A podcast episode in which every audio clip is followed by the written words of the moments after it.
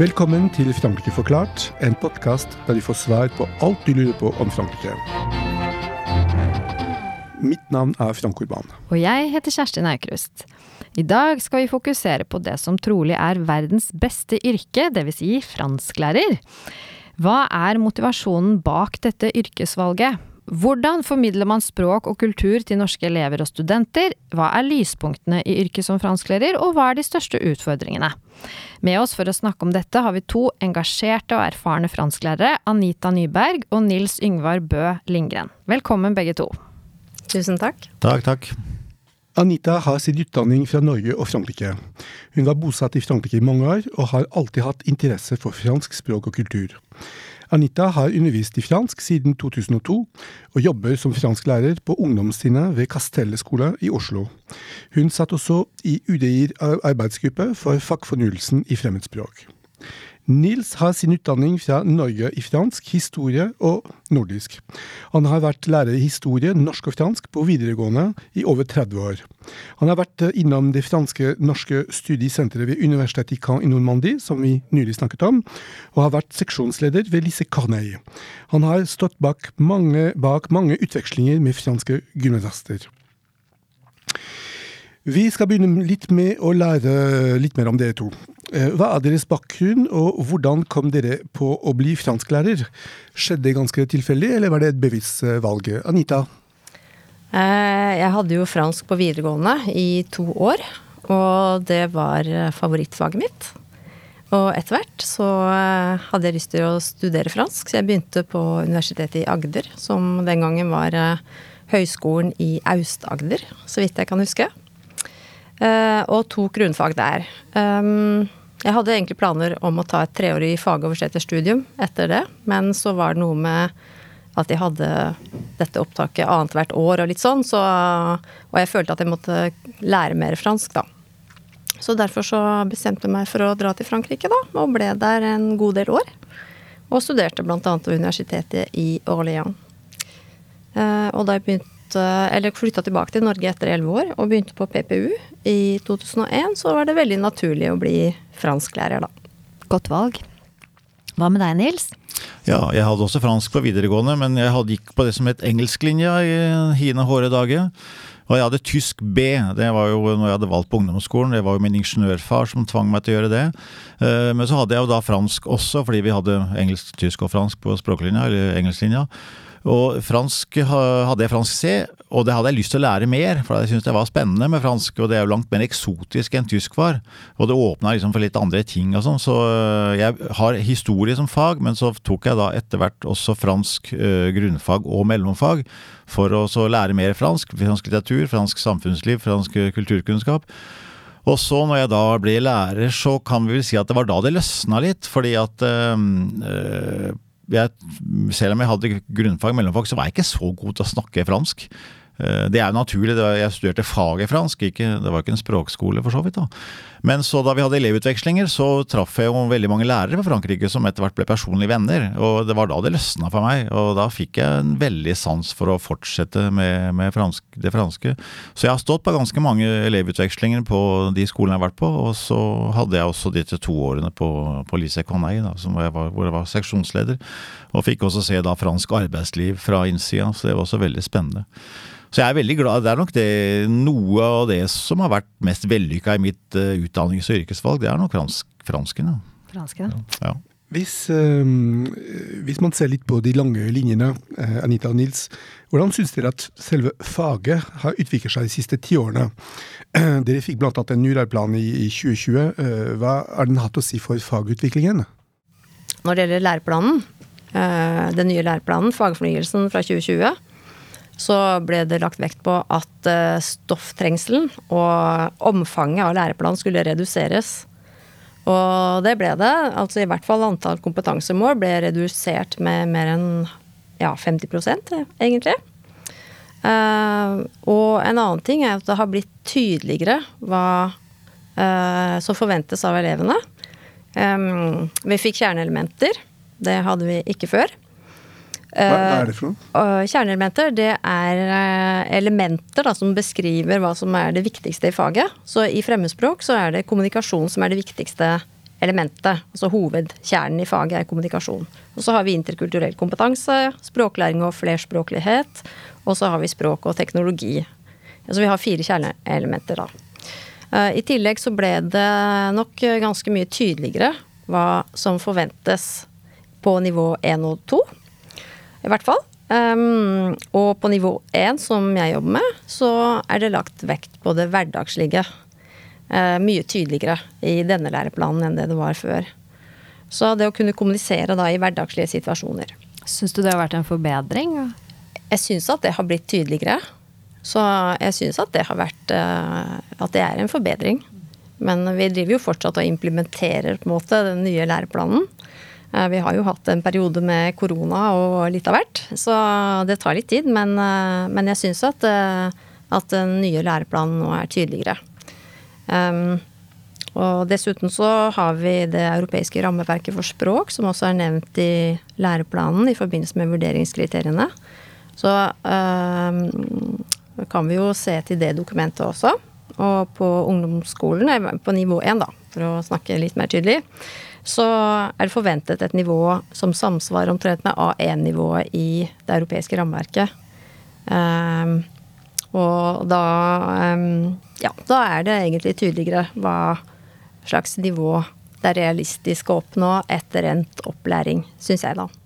Hvordan ser det ut eh, fra ditt ståsted på videregående, Nils? Jo, det er helt enig i det Anita sier, at læreplanene læreplanen er blitt mye tydeligere på hva de skal kunne når de er på de ulike nivåene. Og at det er også orientert mye mer i praktisk retning. Eh, jeg er for så vidt med på det, men jeg syns til dels også for min del synes at undervisning, at noe av det er blitt litt kjedeligere. For at det er mer sånn fokusert på hverdagslige, ting, og det er mindre autentisitet. Det er mindre Det er litt mindre fransk, syns jeg, sånn som det er blitt. Men det er klart at det er jo, hvis elevene skal håndtere dette i, en, i praktiske situasjoner, så er det jo nyttig og naturlig at det er sånn. Mm. Så det er nok kanskje Det er bedre for elevene for meg, kanskje. Men så jeg tror det, jeg tror det går for så vidt i en riktig retning. I det systemet der så tror jeg det gjør det.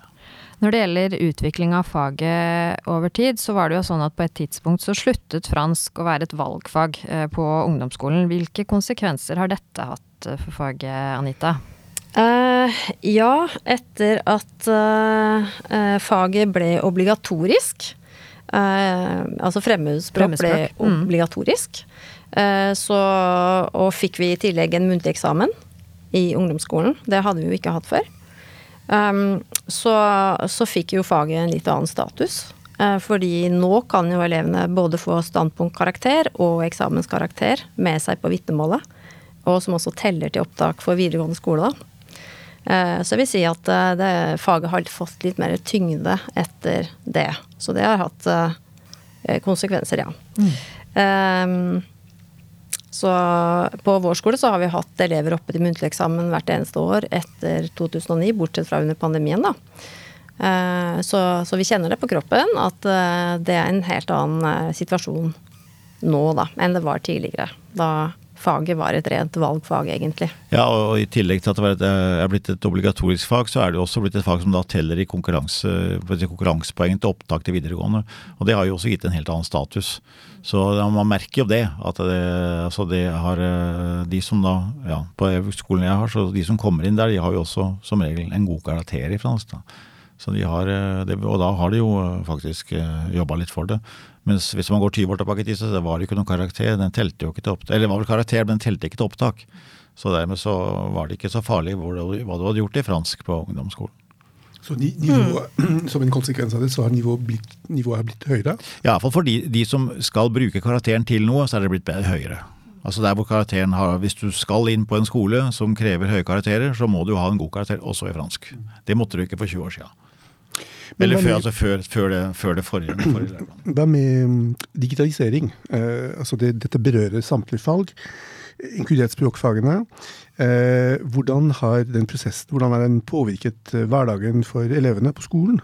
Hvordan, hvordan, hvordan jobber man med disse utfordringene? Ja, digitaliseringen er jo både på godt og vondt, da. Vi har jo utrolig mange fine verktøyer. Uh, digitale verktøyer og mye stoff på internett som kan være veldig nyttig i språklæringen. Men um, jeg vil si at når elevene sitter med PC stort sett hele dagen, for det gjør de jo uh, De løser jo ofte, oppgaver også digitalt. Så er veien veldig kort til diverse oversettelsesprogrammer. Jeg har ikke mm, kanskje ikke så, så, mye erfaring med akkurat eh, chat eh, i fransk, men Google Translate er jo aldri langt unna. Så den veien der er fryktelig kort. Um, og det jobber jeg iherdig med, å få elever til å unngå å bruke oversettelsesprogrammer. Enten de skal lage manus til et rollespill eller de skal skrive en tekst, så har de fryktelig lyst til å gå dit med en gang, da.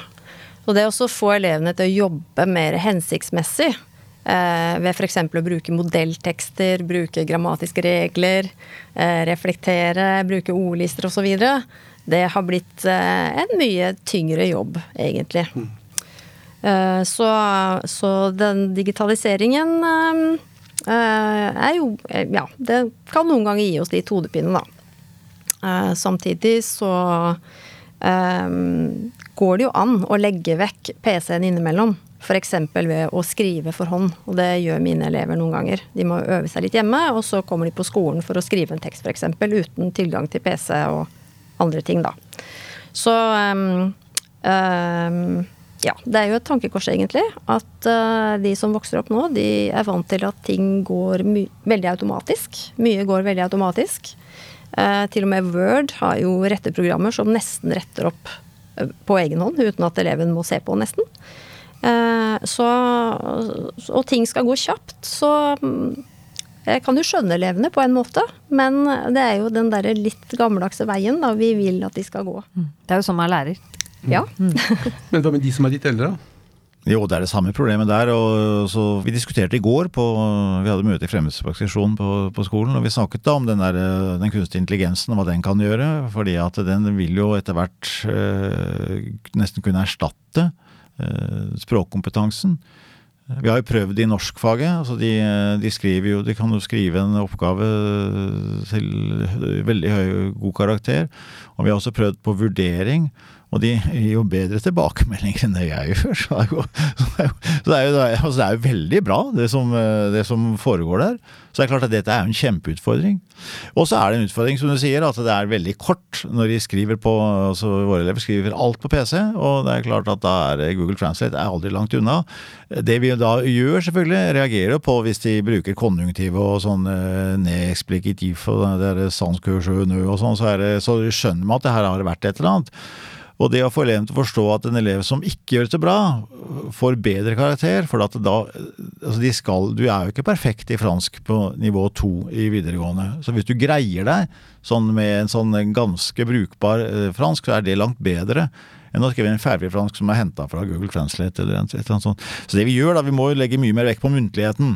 Eh, og vi lager oppgaver som elevene gjør på, på, PC, og så snakker vi med dem om det etterpå. Eller har samtaler rundt det etterpå.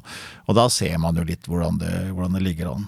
Men det er klart, Og så er det veldig viktig å prøve å stresse på elevene at når de får oppgaver å gjøre, så må man ikke se på oppgaven som, som, noe som man skal bli ferdig med så fort som mulig. Du må se på som noe du skal jobbe litt med, for det er det de gjør òg. De får en oppgave, og så hvis du da bruker Google Translate, så er det veldig fort gjort. kan du gjøre noe annet isteden etterpå. Men uh, man må prøve å vise dem at det er gjennom prosessen at det skjer, da.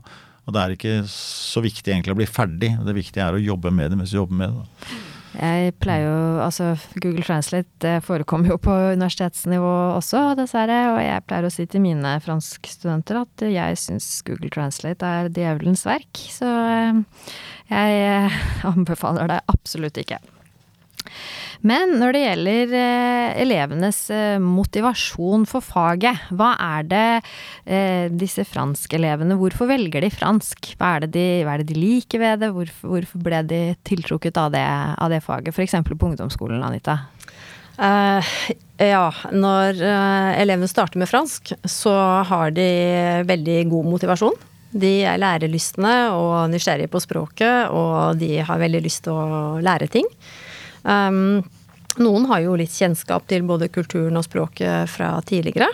Eh, Kanskje de har noen i familien som snakker fransk, og da er jo motivasjonen for å lære ekstra høy. Um, uh, noen reiser jo også på ferie til Frankrike, f.eks. Um, på sommerferie med foreldrene sine, og de har veldig lyst til å kunne kommunisere, da. Så mange har god motivasjon, og de er lærelystne, og de, de er heller ikke redd for uh, muntlige aktiviteter. De liker det, de syns det er gøy. Um, noen har veldig høy motivasjon også, som liksom har ambisjoner om å kunne bruke språket senere. F.eks. ta videregående i Frankrike, eller kanskje studere senere. Så, og har virkelig ambisjoner, da. Mens andre må jo jobbe litt mer for det. Det som kan være utfordringen med motivasjonen, det er jo at uh, det kan dabbe litt av når ting blir litt uh, tyngre. Når mange ting skal mestres på en gang, så kan det fort bli uh, Ja, det, det, blir mye. Og, og, da kan motivasjonen dale litt, da. men elevene liker å jobbe med muntlige oppgaver, og de liker å samarbeide med andre. De liker jo å jobbe selvstendig, da, enten alene eller sammen med andre i grupper. F.eks. også lage noe morsomt som de kan vise fram. Og de liker jo å prøve seg fram på egen hånd. Um, de er ikke så veldig glad i tavleundervisning. Så uh, ja, de, de liker litt varierte aktiviteter, rett og slett. Og gjerne muntlige aktiviteter, da. Hva er det de syns er eh, potensielt vanskelig, og hvordan, hvordan, jobber dere for å på en måte overkomme den eh, kneika der? Det som er vanskelig er at uttrykksmåtene er litt forskjellige på fransk. Og uh, mange har jo valgt uh, fransk fordi de tror det er lettere enn tysk. Og det vet jeg ikke om stemmer helt. Fordi at uh, veldig mange av uttrykksmåtene er litt forskjellige. Så det, det som er kunsten, syns jeg, eller utfordringen, er å prøve å finne måter å uttrykke seg på som ikke blir så vanskelige. Fordi at uh, fransk er jo På norsk så sier vi 'sparkeballen'. På fransk er det vel sju ord. 'Donne un coup de pied au ballon'. Så det er, så det er, jo og på fransk så er det På fransk så savner jeg deg, men Nei, på norsk så savner jeg deg, men på fransk så savner du meg. Uh, on se dispute, man krangler med seg sjøl. Uh, så det er jo veldig mange sånne uttrykk som er uh, spesielle. Men det er gøy òg, da. For det viser jo noe helt annet. Så jeg sier, Man må se på det som en Ikke kuriositet, men altså, man må se på dette som det, dette er noe annet. Altså, og så sier jeg veldig viktig, jeg bruker litt tid på å forklare elevene at, at grammatikken er ikke noe som er funnet på først for å plage dere. Altså Man har ikke laget fransk ikke så vanskelig som mulig for at dere skal plages. Det er jo fordi at det, det er et sånt språk utvikler seg. Det er sånn at man, de Språket er blitt brukt gjennom er det siden 843 eller noe, fransk, så, så har det fått sin form i løpet av den tida. Og det er jo bare gjennom bruk, som det ville blitt hvis dere hadde gjort det. Så ville det blitt sånn da òg. Så det er det man må prøve å få elevene til å skjønne. Men samtidig så er det veldig Syns jeg det er litt vanskelig å finne å få øh, og de skriver tekster og spør hvordan sier jeg det.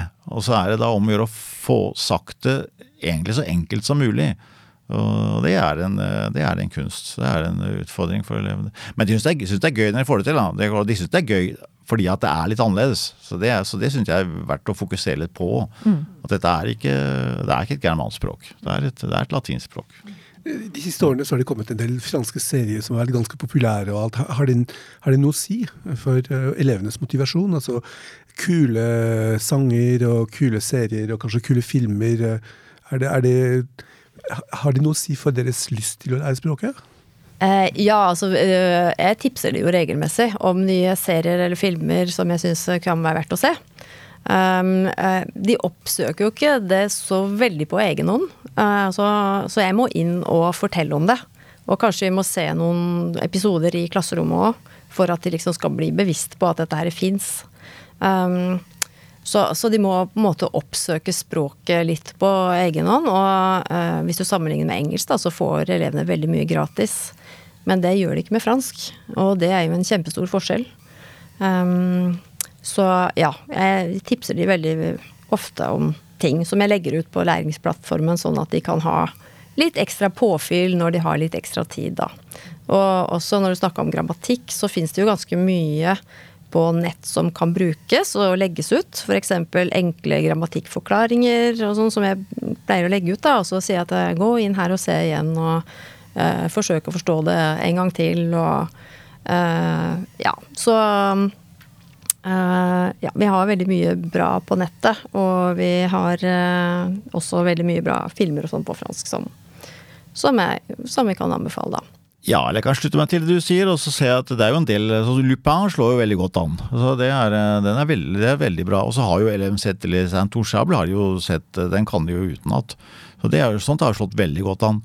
Hvis man ser på eh, videregående eh, de, de, aller fleste franske elevene i, i, Norge de slutter med fransk på VG2, og dermed så har de et helt skoleår uten fransk før de eventuelt begynner på universitetet.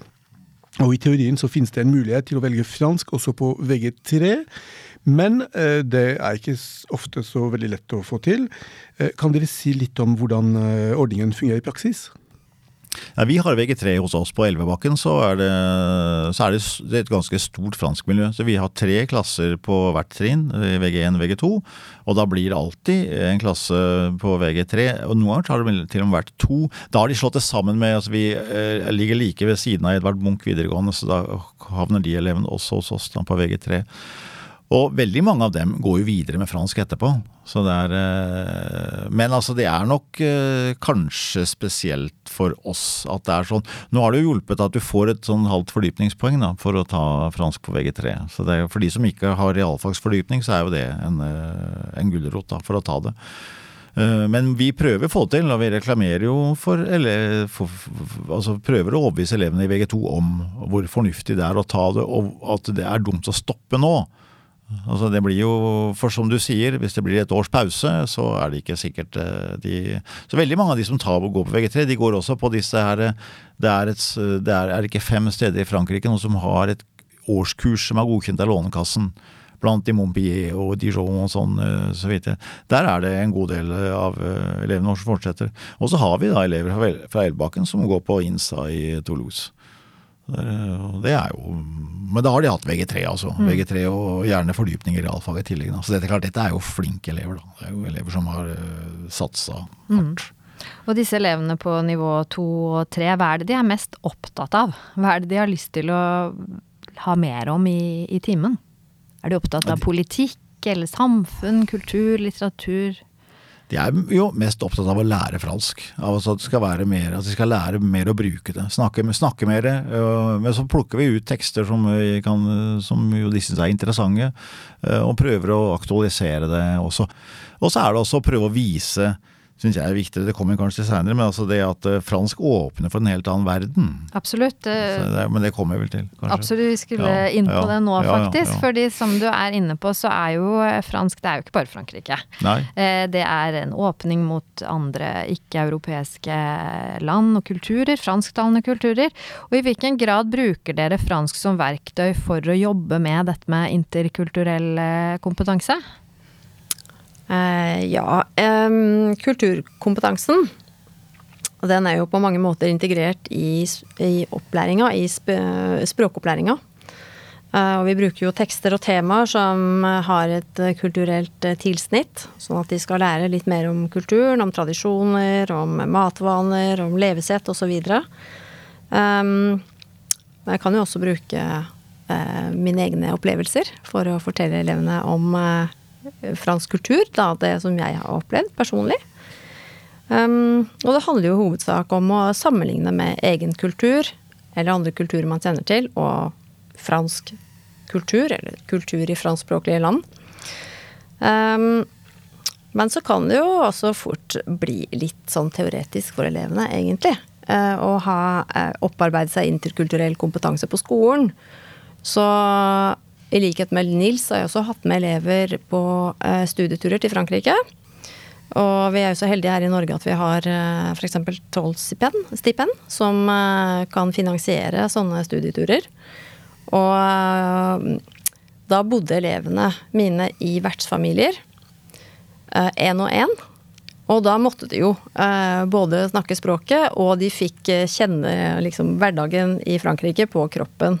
De var også med på skolen og var med i skoletimer og hele dager på skolen. Og fikk eh, oppleve da at eh, ja, det er en annen skolekultur òg. Eh, så det har vært kjempefint. I tillegg så hadde vi utrolig flaks med de som vi samarbeida med. Den skolen vi samarbeida med, de, var, de, lærerne der var jo De hadde jo organisert utflukter som var helt fantastiske, og aktiviteter for elevene våre, sånn at elevene skulle få et maksimalt utbytte av hele studieturen. Så det anbefaler jeg veldig, da. Eh, hvis man har anledning til å ta med elevene en gang på en studietur. For da får du jo virkelig oppleve det på kroppen. Mm. Istedenfor å bare høre om det i timen.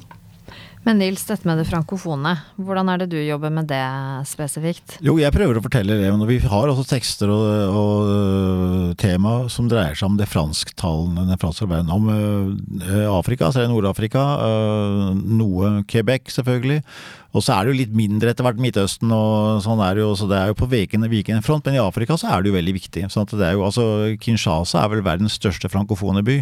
Så det er klart det har, eh, og det er jo på fremvekst, det er pga. befolkningsutviklingen selvfølgelig.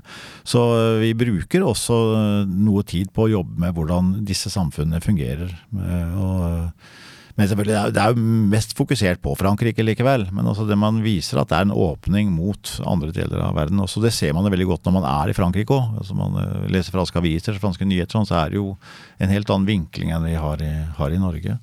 Og så vil jeg støtte det Anita sier om sånn elevutveksling, for det har jeg også drevet veldig mye med. Og det er jo aldri Altså Det der å bo hos en vertsfamilie en uke og være med på skolen, se familielivet, se skolelivet, se en del av samfunnslivet. For det får man jo aldri seinere i livet hvis man ikke gjør noe sånt. Som turist så opplever du ikke det.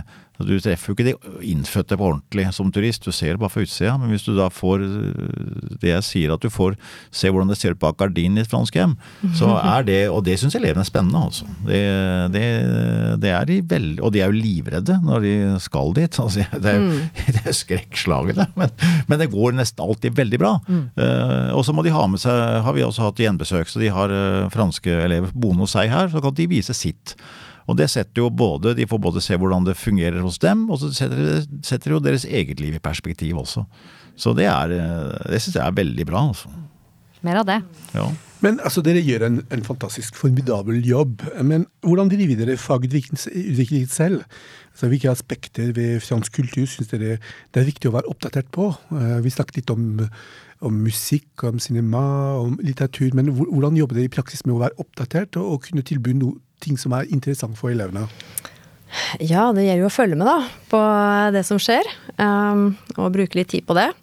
Um, men fagutvikling kan jo være så mangt. Det kan jo være f.eks. at vi har nye undervisningsmetoder, og at vi Ja, men også holde seg faglig oppdatert uh, generelt. Og, og um, delta på ulike seminarer hvis man har anledning til det.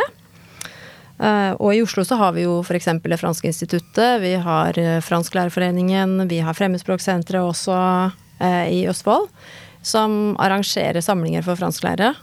Så det er veldig fint å delta på, på, sånne ting. Og hvis man vil ta det et lite steg videre, så kan man også være med på kurs i Frankrike. I, blant annet så var jeg på kurs i Vichy og Cavillam der. Eh, det var også veldig hyggelig. Da måtte man ta en uke av sommerferien, men eh, jeg syns at det var veldig vel verdt eh, den uka. Så det er en måte å, å, holde seg oppdatert på, men selvfølgelig også holde seg oppdatert på det som skjer. For min del så syns jeg det er veldig interessant å følge med på språkutviklinga. Prøve i hvert fall. Språket er jo ikke statisk. Det endrer seg jo egentlig veldig fort. Eh, ettersom eh, globaliseringen blir mer og mer et faktum, og eh, grensene blir mindre og mindre tette, så kommer det jo inn uttrykk fra ja, særlig fra engelsk kanskje, men knytta til medier og teknologi. Så det kommer inn veldig mange sånne nye transparente ord i fransk som du kjenner igjen overalt, egentlig. Jeg har til og med hørt at de bruker ygge, som er hygge, Kommer fra skandinavisk. Uh, ja, eller så har du like, smiley og alle de ordene der, da. Som du også nå finner i det franske hverdagsspråket. Så jeg syns det er veldig spennende, da. Og, og, det er en utfordring også å følge med. For det, det går ganske fort, og særlig blant den yngre generasjonen, egentlig. Spørs om eh, L'Académie Française har godkjent alle de Jeg tror jeg kan ha tatt inn ombudsmann. Det er jo helt fantastisk. Ja, jeg tror ikke de trenger å godkjenne alt som foregår i hverdagen. Hva med deg, Nils? Jo, det er det samme. Det skjer jo der også. Jeg ser jo også hva som skjer på språkfronten. Jeg prøver også å følge med sånn, hva som skjer i politikk og samfunnsliv. Syns jeg er morsomt å snakke med eleven om det. Og det er jo veldig mye som er forskjellig i forhold til f.eks. For den måten det blir Ja, når vi snakker om pensjonsalder og hva slags altså, franske holdningen til disse tingene. Uh, hvorfor franskmenn demonstrerer, uh, hvorfor ikke nordmenn gjør det. Det, altså, det er jo sånne ting hvor, Det er jo veldig interessant. Og det er noe som det, det, setter ting i perspektiv, og eleven syns sånne ting er veldig interessant. Så, uh, og så prøver jeg å lese fransk litteratur. Jeg er veldig begeistra for Michel Walbeck. Ja, og nå så jeg at nå også den siste boka til Laila Slimani var kommet på norsk. så jeg på, nå, jeg lest de tre bøkene. Og det er også veldig interessant og setter eh, Det er jo interessante tanker da, som uh, framsettes i, i, disse bøkene. Så det prøver jeg også å si litt om til elevene. Jeg har særlig stor glede den hun er Alice Senité, som heter La de Perdre, som også er en kjempeinteressant bok og som gir veldig mange perspektiv som man kan ta med inn i, og som man kan sette i en slags perspektiv hvis det er vi forholdene i Norge også. Helt klart. Ja. Hva er det beste med å være fransklærer? Uh, dere vil selvsagt anbefale yrket til andre, men hva, hva, hva, er det beste hvis dere skal på en måte pushe opp faget og si dette er helt fantastisk? Hva er det beste for dere? Hvis man er interessert i fransk språk og kultur, så er det jo midt i blinken, egentlig. Eh, det er jo helt fantastisk å jobbe med noe man selv syns er veldig interessant. Um, og forhåpentligvis også inspirere andre uh, til å bli interessert i det samme. Um, så ja, jeg anbefaler jo yrket fordi at det også er variert. Og uh, man får brukt sin egen kreativitet, så man kan finne nye innfallsvinkler stadig vekk. Og eh, generelt så har jeg det ganske gøy på jobb, og eh, anbefaler det sterkt. Mm.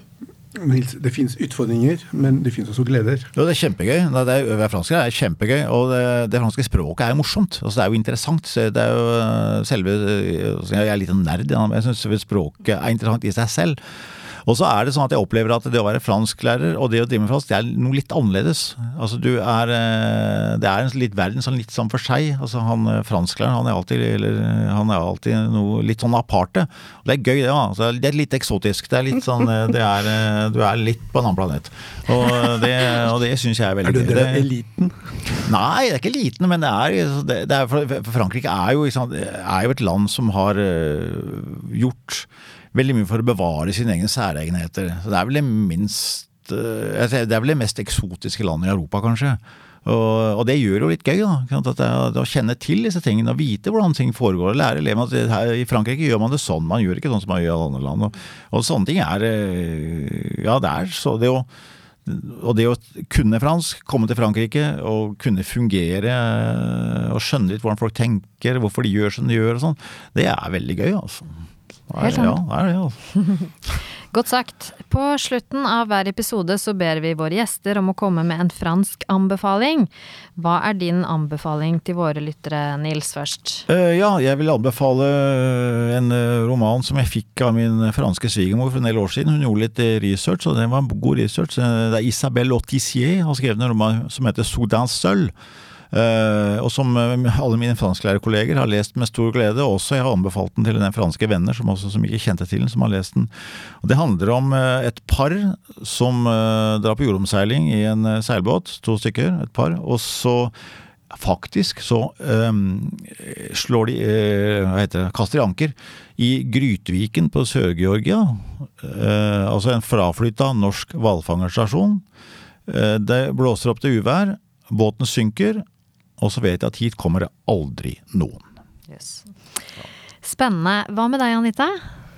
Ja, jeg hadde også tenkt å anbefale noe litterært. Um, kanskje noe som er litt lett å lese. For det, i timen for ikke så lenge siden så leste vi faktisk de første avsnittene av L'étranger eh, på tiendetrinn. Og da var det noen elever som sa at å, det kunne vært kult å lese en bok på fransk, egentlig. Så tenkte jeg ja, men L'étranger, det, det blir kanskje litt tungt. Eh, men så kom jeg over eh, eh, en sveitsisk-ungarsk forfatter som heter Agota Kristoff. Som skriver fantastiske fortellinger i et veldig enkelt og nakent språk. Nesten alt foregår i presens. Så, og setningene er relativt korte, så, og dialogene også er veldig enkle, egentlig. Men uh, fortellingene, er, fortellingene, er, veldig sterk, så jeg anbefaler den forfatteren. Og jeg har eh, lest en trilogi eh, om tvillingene, som begynner med 'Tvillingenes dagbok'. Um, så det er bare å stålsette seg, egentlig, og kaste seg ut og begynne å lese bøker på fransk. Godt tips. Da gjenstår det bare å takke våre gjester Anita Nyberg og Nils Yngvar Bø Lindgren, så høres vi igjen i neste episode av Frankrike forklart. Au revoir! Frankrike forklart er et samarbeid mellom Universitetet i Oslo og Høgskolen i Østfold. Podkasten er støttet av Det norske universitetssenteret i Paris og Institut Francais i Oslo, og har full redaksjonell frihet. Abonner på Frankrike forklart på iTunes, Spotify eller på andre plattformer der du lytter til podkast. Har du kommentarer til oss eller forslag til temaer vi bør ta opp, kan du sende inn det via vår Facebook-side Frankrike forklart. Alle dagens referanser ligger på denne Facebook-siden og på nettsiden vår. Vi skriver en kronikk i forbindelse med hver episode som belyser dagens tema fra en litt annen vinkel. Kronikken finner dere på forskning.no, Transitmagasin og på nettsiden vår.